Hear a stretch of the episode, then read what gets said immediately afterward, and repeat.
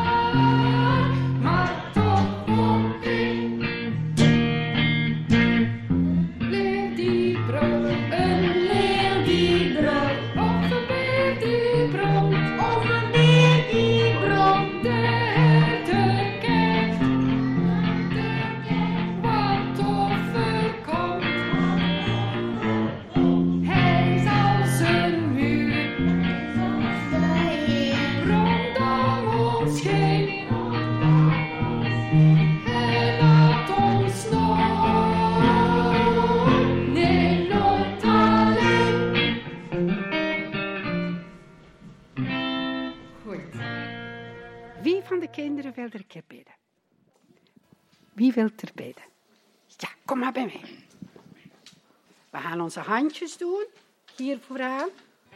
Oogjes dicht. Dan kunnen we ons goed concentreren. Ja? Goed. Ja.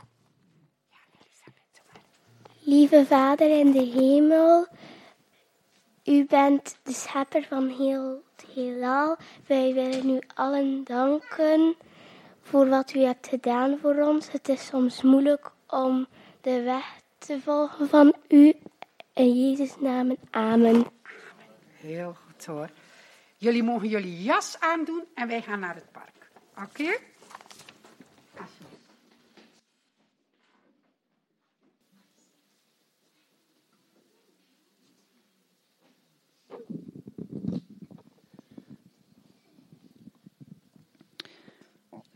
Straks hebben we het avondmaal, maar ik stel voor dat we eerst een moment nemen van gebed. Iedereen die gebed op zijn hart heeft, voel u vrij.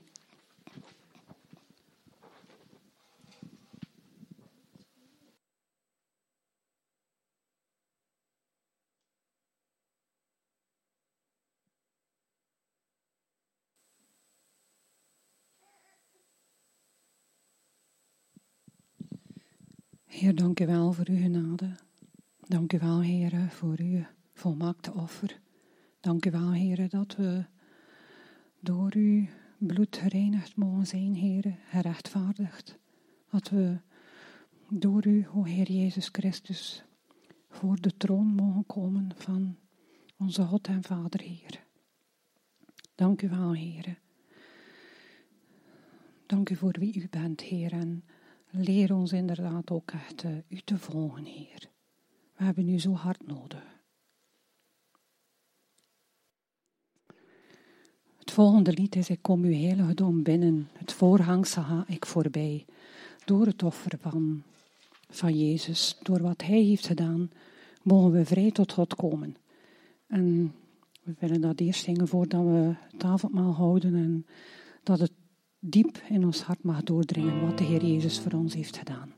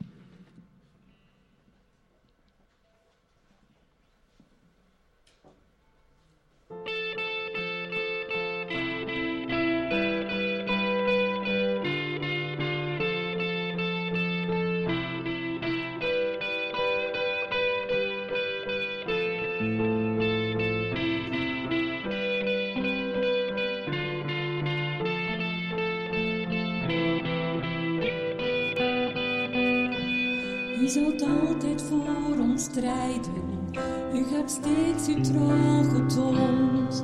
Deze waarheid is mijn blijdschap. Heer, u draagt de zegen.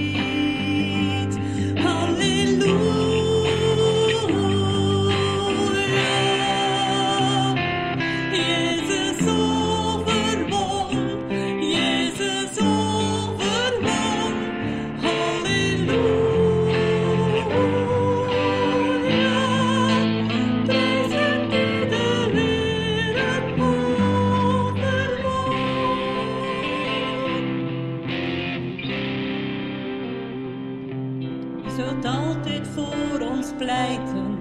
U zegt door tot u ons vond en geen macht kan u.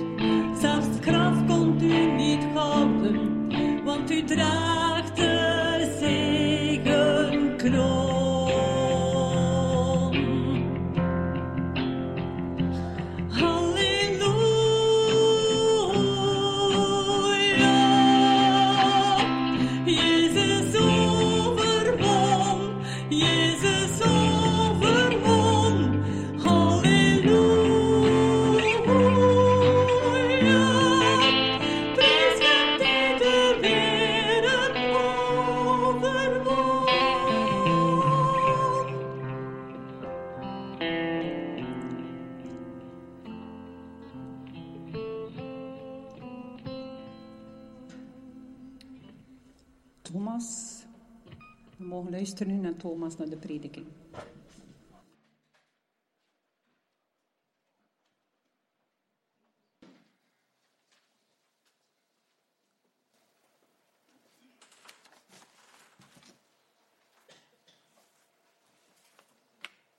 Goedemorgen. We gaan even samen een passage lezen eerst, voordat we beginnen. We gaan beginnen met een passage in Matthäus hoofdstuk 12.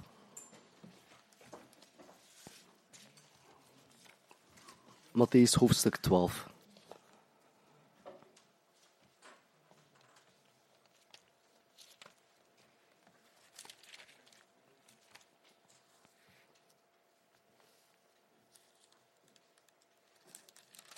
En we gaan lezen vanaf vers ehm, um, 22.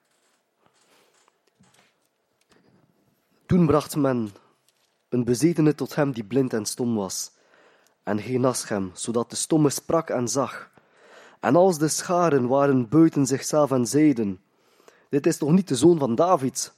Maar de fariseeën hoorden het en zeiden, deze dreef de boze geesten slechts uit door Beelzebul, de overste der geesten. Maar hij kende hun gedachten en zeide tot hen, ieder koninkrijk dat tegen zichzelf verdeeld is, gaat een onder. En geen stad of huis tegen zichzelf verdeeld zal stand houden. En indien Satan uitdrijft, is hij tegen zichzelf verdeeld. Hoe zal dan zijn koninkrijk kunnen stand houden? En indien ik door Beelzebul de boze geesten uitdrijf, door wie doen uw zonen het dan? Daarom zullen zij rechters over u zijn.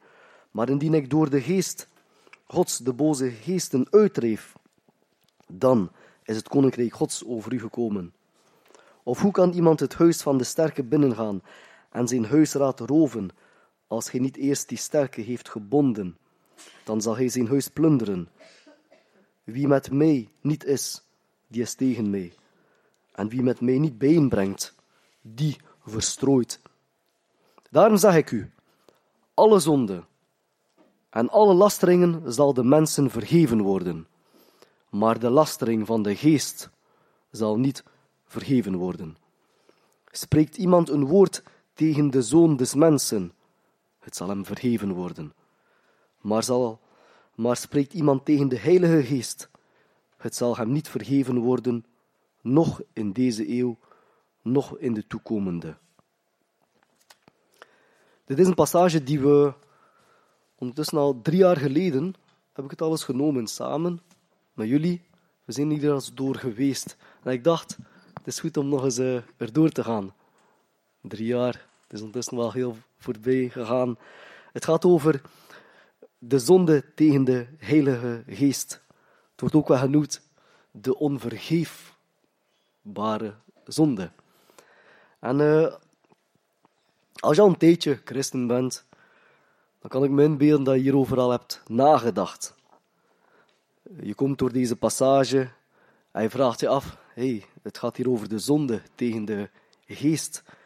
Um, over welke zonde gaat dit nu echt? Hij vraagt je af of dat die zonde is. Is dan misschien, ja, ik heb die ene persoon daar bezig gezien. Is dit de zonde tegen de geest?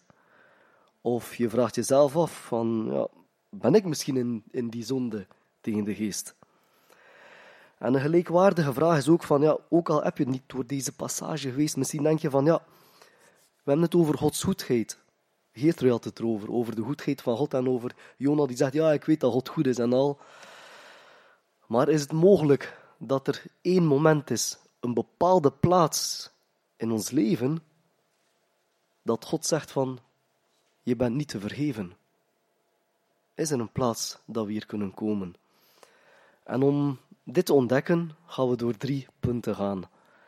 Het eerste punt is het probleem van vergeving. Tweede punt, de kracht van komen tot inkeer. En een derde is het gevaar van de religie. Ook om het jullie gemakkelijk te maken de komende tijd, de komende weken. Er staat een uitgebreide samenvatting in potscherven. Martijn heeft het er mooi in geplaatst, dus jullie kunnen mooi volgen maar ook achteraf kun je erdoor gaan.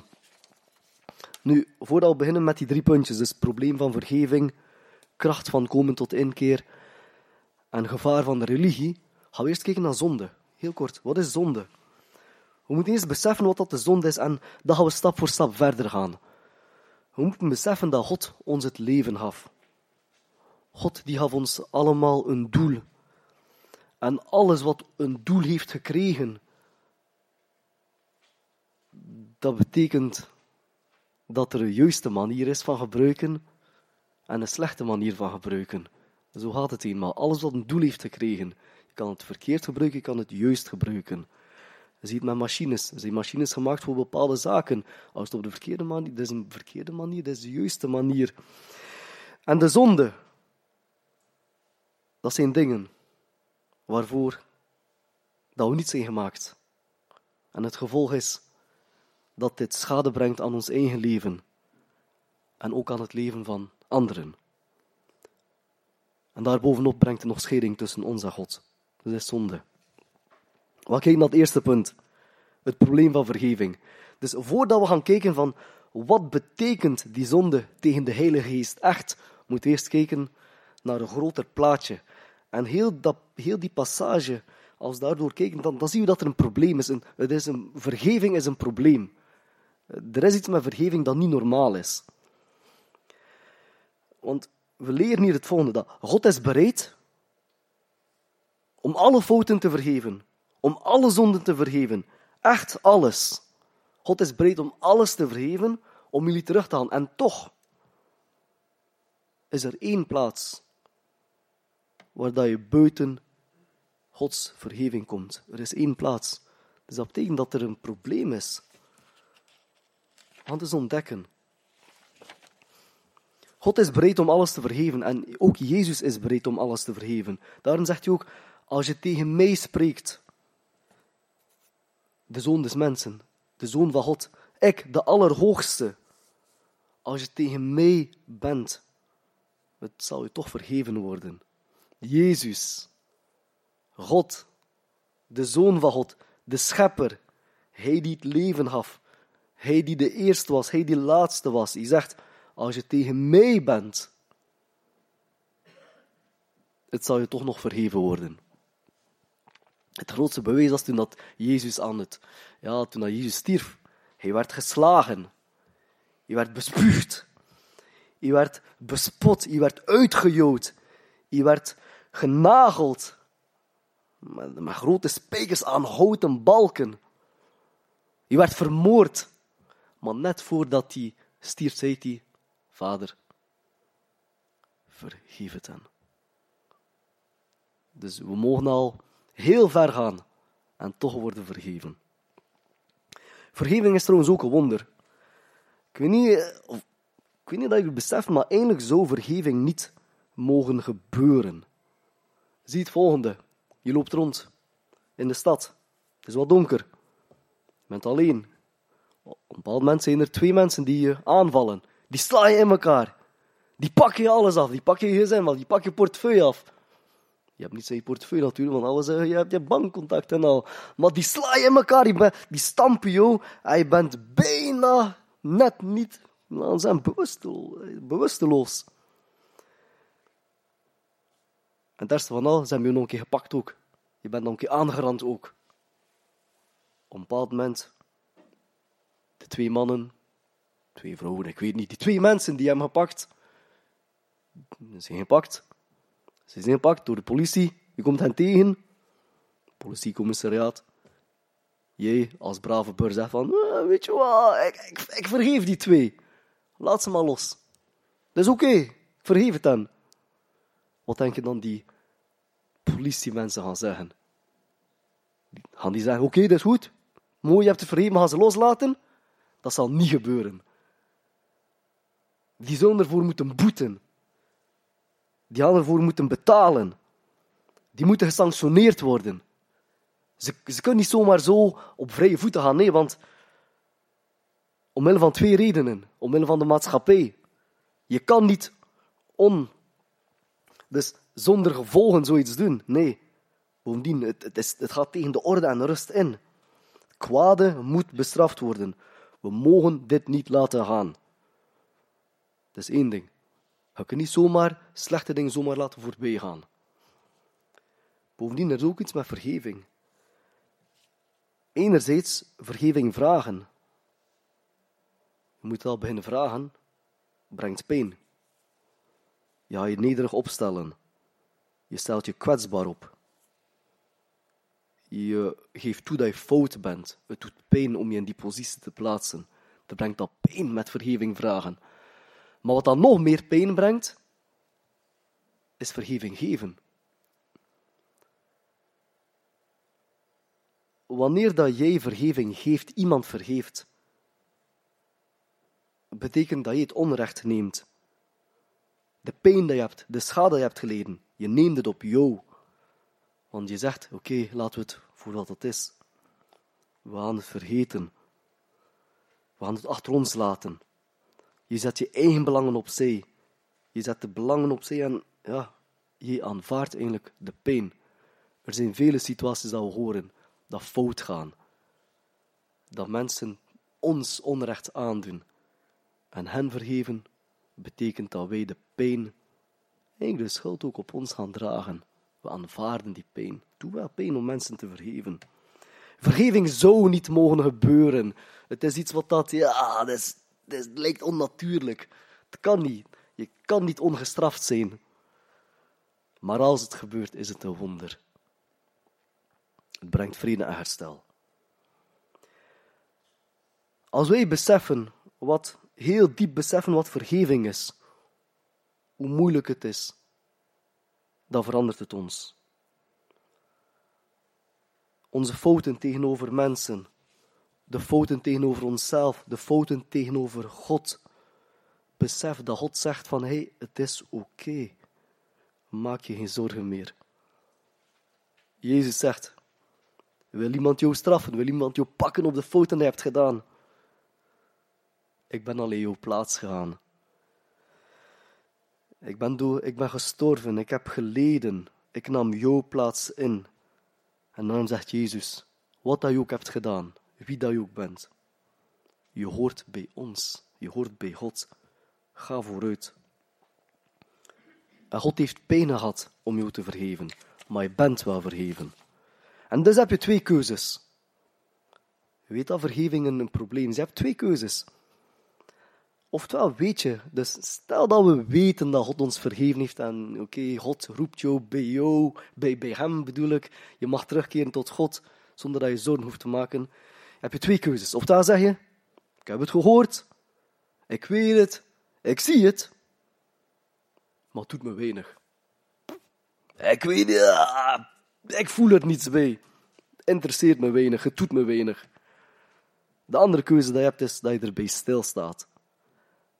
Je beseft wat er is gebeurd. Je beseft hoe moeilijk vergeving is. Je beseft hoe zwaar zonde is. Hoe, hoeveel schade er kan gebracht worden. En toch besef je dan van, hey, je mag terugkomen tot God. Het raakt je diep van binnen. Er komt iets los en het verandert je van binnenuit. Je gaat als een ander mens gaan leven. Ik ben vergeven, ik hoor bij God. Je gaat op een andere manier door het leven. God gaf jou het leven, gaf ons het leven. Je vertelt ons allemaal dat we bij Hem horen. Wat dat ook hebt gedaan, wie dat je ook bent, hoe diep dat je zonde ook is, hoe zwaar of hoe ernstig het ook is. Hij haalt het eruit. We moeten niets voor doen. We krijgen het niet omdat je het verdient, maar omdat Hij jou lief heeft. Dat is het eerste punt. Er is een probleem van vergeving, maar we moeten beseffen, diep beseffen wat het betekent om vergeving gekregen te hebben van God. En één keer dat beseffen van, hé, hey, oké, ja, oké, oké, goed. Dus God vergeeft. God haalt ons bij ons en God laat ons verleden, onze fouten achter zich. Tweede punt. Dan komen we tot inkeer. Eén keer dat beseffen wat vergeving is, komen we tot inkeer. En de kracht van komen tot inkeer. God, dat is het tweede punt. God vergeeft alles. Maar het is niet automatisch, er zijn voorwaarden. Alle zonden worden vergeving. Maar de zonde tegen de Heilige Geest niet. En dan gaan we denken, is dit iets wat dat elkaar tegenspreekt? Want we zeggen eerst van, ja kijk, alle zonden worden vergeven, buiten één. Er is één zonde die niet vergeven wordt, dus dan vraag je, ja, het, het spreekt elkaar tegen, denk je. En eigenlijk is dit niet het geval. Het hoort bij elkaar. Het eerste gedeelte, je kan het begrijpen door het eerste gedeelte zien als uiterlijke dingen. Dus alle dingen worden vergeven. Alle uiterlijke dingen worden vergeven. Alle dingen dat je doet, die verkeerd zijn. Alle dingen dat je verkeerd denkt. Dit wordt allemaal vergeven. Maar het tweede deel, diep van binnen in je hart. Als dit verkeerd is, dan wordt het jou niet vergeven. Ik heb erover nagedacht. Ik heb ermee geworsteld met die passage. En het, het, het klinkt niet logisch. Maar het klinkt logisch op de volgende manier. Alle zonden worden vergeven op voorwaarde dat je mee bent met de Heilige Geest. Zie je mee? Dus alle zonden worden vergeven, worden vergeven, maar de zonde tegen de Geest niet. Je kan het lezen als alle zonden worden vergeven op voorwaarde dat je mee bent met de Geest. En dan gaan we verder. Wat doet de Geest? De Geest vertelt jullie dat jullie fout zijn. De Geest vertelt jullie. Doe jullie inzien dat de fouten van jullie veel verder gaan dan schade brengen naar jezelf of aan anderen. De Geest toont je dat je herstel nodig hebt, dat je vrede nodig hebt. De Geest leert je dat je moet komen tot inkeer. De Geest leert je dat je in alle nederigheid moet komen tot God. En ook naar de ander. Nu trouwens, heel kort, tussen haakjes. Stel dat er geen God bestond. Als er geen God was, dan is dit allemaal wat ik jullie vertel totaal niet nodig. Dan ja, laten we het gewoon in de vulbak gooien. Maar als er nog God is, dan moeten we dit serieus nemen. Als er God is, dan hebben we dit nodig. De geest brengt je met fouten bij de Vader.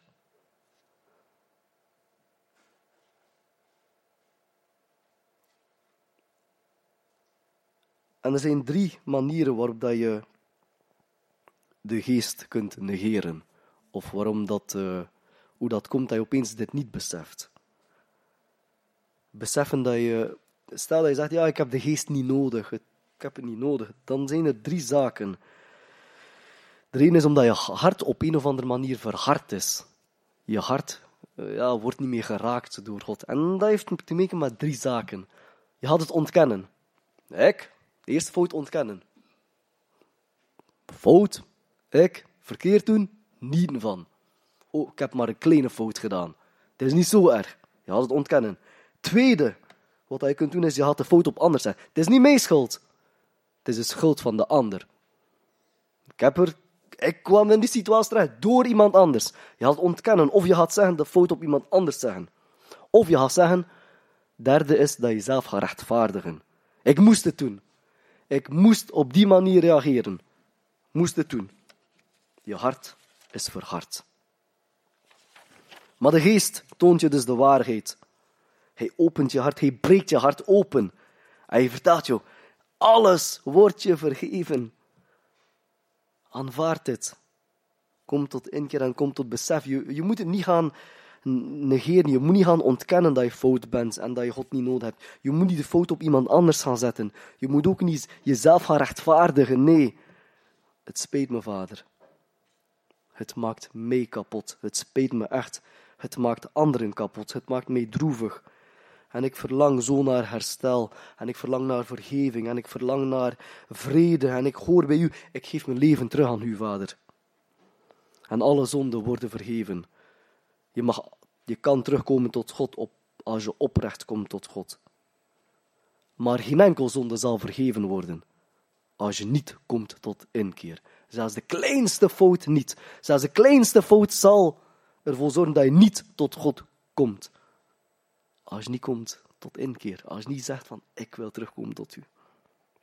Dat is uiteindelijk ook wat Jezus vertelt. Hè. Uh, Jezus, op een bepaald moment wou hij de, de apostelen zo een beetje moed geven van, kijk, ik ga wel weg, ik ga sterven, maar ik ga jullie iets in de plaats geven. En de trooster, zegt hij dan, er komt een trooster, die komt in mijn plaats en die zal de wereld overtuigen van zonde. Dus de geest die komt in de wereld en de geest die zal overtuigen wie dat God is. Dan heb je twee keuzes, of dat ontkennen, of je zegt, het spijt me vader. Niet komen tot inkeer is weigeren wat de geest vertelt. Oké, dus we komen bij eerste, eerste kleine conclusie. De zonde tegen de geest is, met andere woorden, niet aanvaarden wie dat God is. Is onder andere niet aanvaarden dat jij bij God hoort. Dus de zonde tegen de geest is vooral voor niet-christenen. Oké, dit is het begin. Het heeft ermee te maken. Niet aanvaarden wie dat God is, dat is de eerste stap.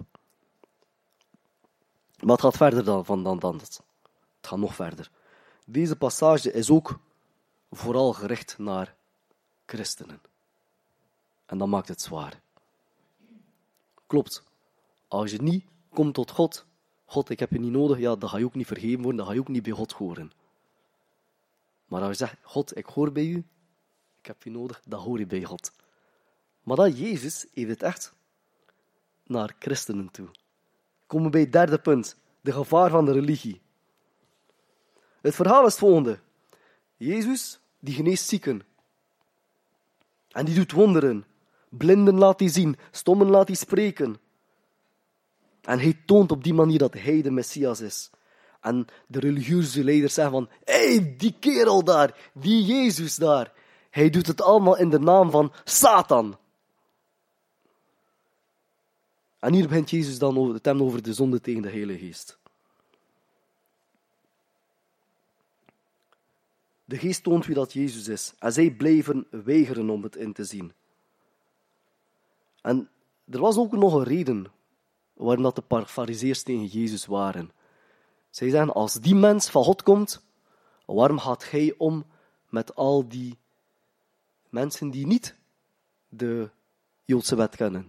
Waarom gaat Jezus om met, uh, met die tollenaar? Waarom gaat Jezus om met die vrouw die, in, in, die zoveel keer overspel heeft gepleegd? Waarom gaat Jezus om met die leugenaars, met die dieven? Zij verdienen het niet. Zij verdienen het niet om bij Jezus te zijn. Ze verdienen het niet om bij God te zijn. Wij, ons hele leven, wij leren de, de Joodse wet. Wij doen het goede. Wij gaan naar de tempel. Wij geven onze tienden. Wij verdienen het, maar zij verdienen het niet. En dan Jezus. Jezus, doorheen zijn weg toont hij natuurlijk, jullie zijn verkeerd. Jullie zijn echt verkeerd bezig. Het is niet wat hij doet. Het is niet wat hij denkt dat hij bij God brengt. Het zijn niet de mensen die goed doen, die erbij horen. En de mensen die slecht zijn, die weg van God zullen zijn. Maar hij zegt, het zijn de mensen die nederig zijn. Die aanvaarden wie dat God is. Zij zullen bij God zijn. En het zijn de mensen die trots zijn. De mensen die trots zijn. Zij zullen eruit gegooid worden. Het is een speciale waarschuwing voor ons christenen. In de tijd dat hij het inderdaad tegen de fariseërs, tegen de schriftgeleerden. Dit nemen we naar ons vandaag. Het gaat naar ons christenen. Je leest de Bijbel. Je gaat naar de kerk. Je leert anderen over de Bijbel. Je hebt een taak in de kerk. Je geeft minstens je tienden. Je helpt, je doet het goede. Je bent zodanig goed bezig. Je bent zodanig bezig met jezelf, niet met God, maar je bent zodanig bezig, goed bezig, dat je eigen fouten niet ziet. Je bent de trots iemand en zit hem in kleine details. Je bent trots, maar je beseft niet eens dat je trots bent. Je kijkt neer op anderen En onbewust denk je van, ik verdien mijn plaats bij God. God zal me wel aanvaarden. Ik ken zo goed de Bijbel. Ben zoveel keer geweest naar de bidstonden. Ben zoveel keer geweest naar de, naar de kerk. Ik heb zoveel geld gegeven aan de kerk. God zal me wel aanvaarden. En dat is verkeerd. Het gevolg is, die soort mensen, we hebben er allemaal last van. Het is voor ons allemaal. We kunnen er allemaal in die val trappen. Het volgens dat wij onbewust heel kritisch zijn. We gaan beginnen neerkijken op anderen. Op, we gaan neerkijken op christenen die minder christen zijn dan ons. We gaan neerkijken op mensen die, die minder de Bijbel lezen dan ons. We gaan neerkijken op mensen die minder, na, minder zogezegd bidden. We gaan kijken naar mensen die gewoon er niet uitzien als christenen. We zijn weinig open.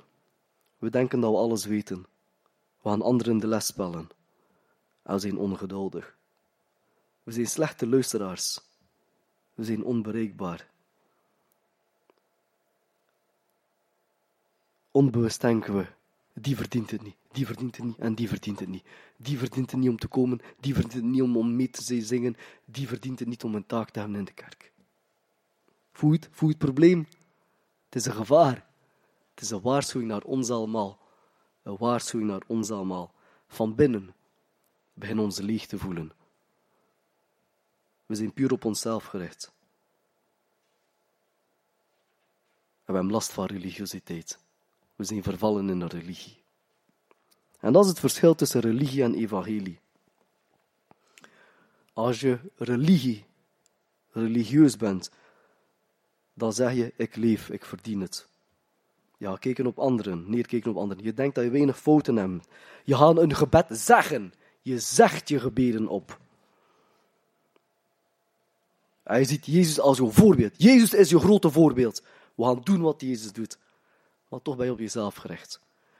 Het evangelie daarentegen is compleet anders. Je beseft dat alles puur. Je hebt het gekregen van God. Een geschenk. Het is puur genade. Je bent iemand die heel veel zorg heeft en liefde voor anderen. Je bent heel nederig. In plaats van een, een gebed te zeggen, heb je een leven van gebed. je bent dankbaar. Je ziet Jezus niet als je voorbeeld, maar je ziet Jezus als jouw redder. En je bent echt liefde te hebben voor anderen. Je hebt liefde voor degenen die verloren zijn. Je hebt liefde voor degenen die ver weg van de kerk zijn. Je hebt liefde voor degenen die gewoon God niet hebben in hun leven. Kijk de passage van Matthäus 7. Ik ga het gewoon citeren. En op de laatste dag, er zullen er zijn die bij mij aankloppen. Tak, tak. Laat me binnen. Wij hebben wonderen gedaan in uw naam. Wij hebben mensen bij u gebracht. Wij hebben ons best gedaan. En Jezus zegt, ik heb u nooit gekend. Dit gaat over hetzelfde. Dit gaat niet over mensen die niet christen zijn. Dit gaat over christenen. Het zijn mensen die hun hele leven het goede doen. En toch waren ze op zichzelf gericht. Omdat ze zeggen, ik verdien het. We verdienen het niet.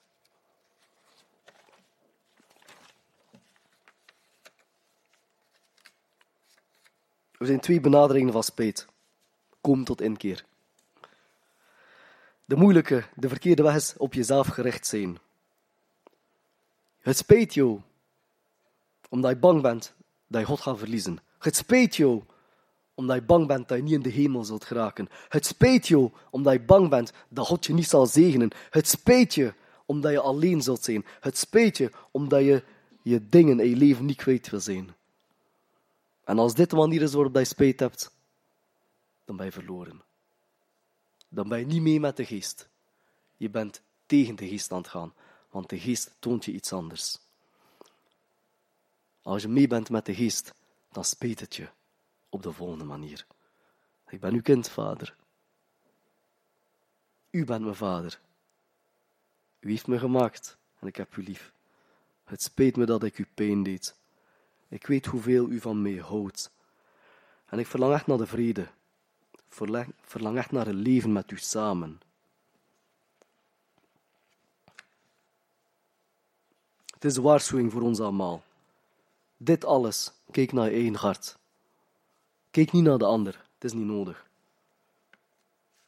We gaan afsluiten. Misschien maakt het u bang. Misschien denk je, oké, ja, nou, wat dat die Thomas vertelt, begint echt toch een beetje zorgen te maken.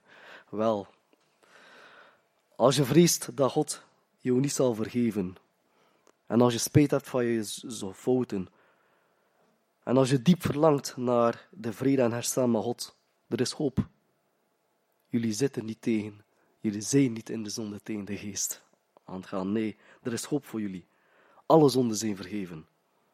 Als je diep en oprecht komt tot inkeer. Kom daarom tot God. Kom tot inkeer. Dank Hem. Zing voor Hem. Geef Hem je leven.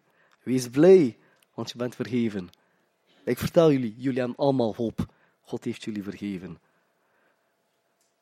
Stel dat je misschien hier bent en je zegt, ja, ik, ik geloof nog niet echt in die God of zo. Of, of ik weet niet hoe, ik, het is een beetje vloe, de geest, God, Christus. Laat ik mij het volgende vertellen. Ga niet in tegen de geest. Stel als je voelt dat op een bepaalde manier jou tot God getrokken wordt. Als je op een bepaalde manier voelt dat iets of iemand jou de richting van God duwt, ga er niet tegenin. Laat het gewoon gebeuren. Laat, God, laat het gewoon gebeuren in je leven. Hoe weet je zeker we vergeven zijn? Jezus is gestorven. En Jezus heeft alle fouten op zich genomen. We hebben een zekerheid. Niet omdat we het verdienen, maar omdat we het verkregen hebben. En dat is onze zekerheid. Het is goed nieuws trouwens. Er is maar één voorwaarde. Eén voorwaarde voor iedereen om tot God te komen. Vader, ik hoor bij u. Ik ben u dankbaar. En dat zorgt ervoor dat wij allemaal hoop hebben voor iedereen. We hebben echt hoop. Hoop voor alle, iedereen rondom ons. Hoop voor onze kinderen, hoop voor onze echtgenotes, hoop voor onze, echtgenoten, hoop voor onze kleinkinderen, hoop voor onze buren, hoop voor iedereen, onze collega's. Laat ons daarom ook samen, echt, ik wil je echt vragen om samen blijven liefde te hebben en zorg te dragen voor die mensen. Niemand is verloren.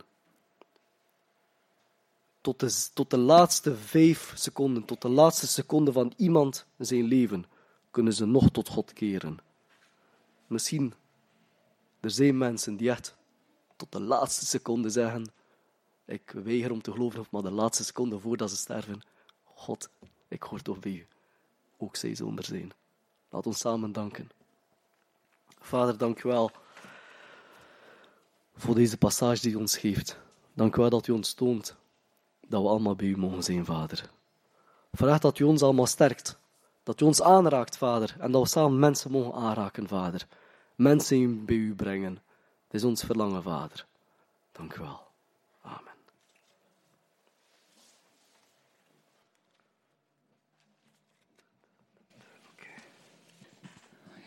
We gaan nog afsluiten met twee liederen. De hemel juicht tot eer van de vrezen Heer. Wij mogen meejuichen.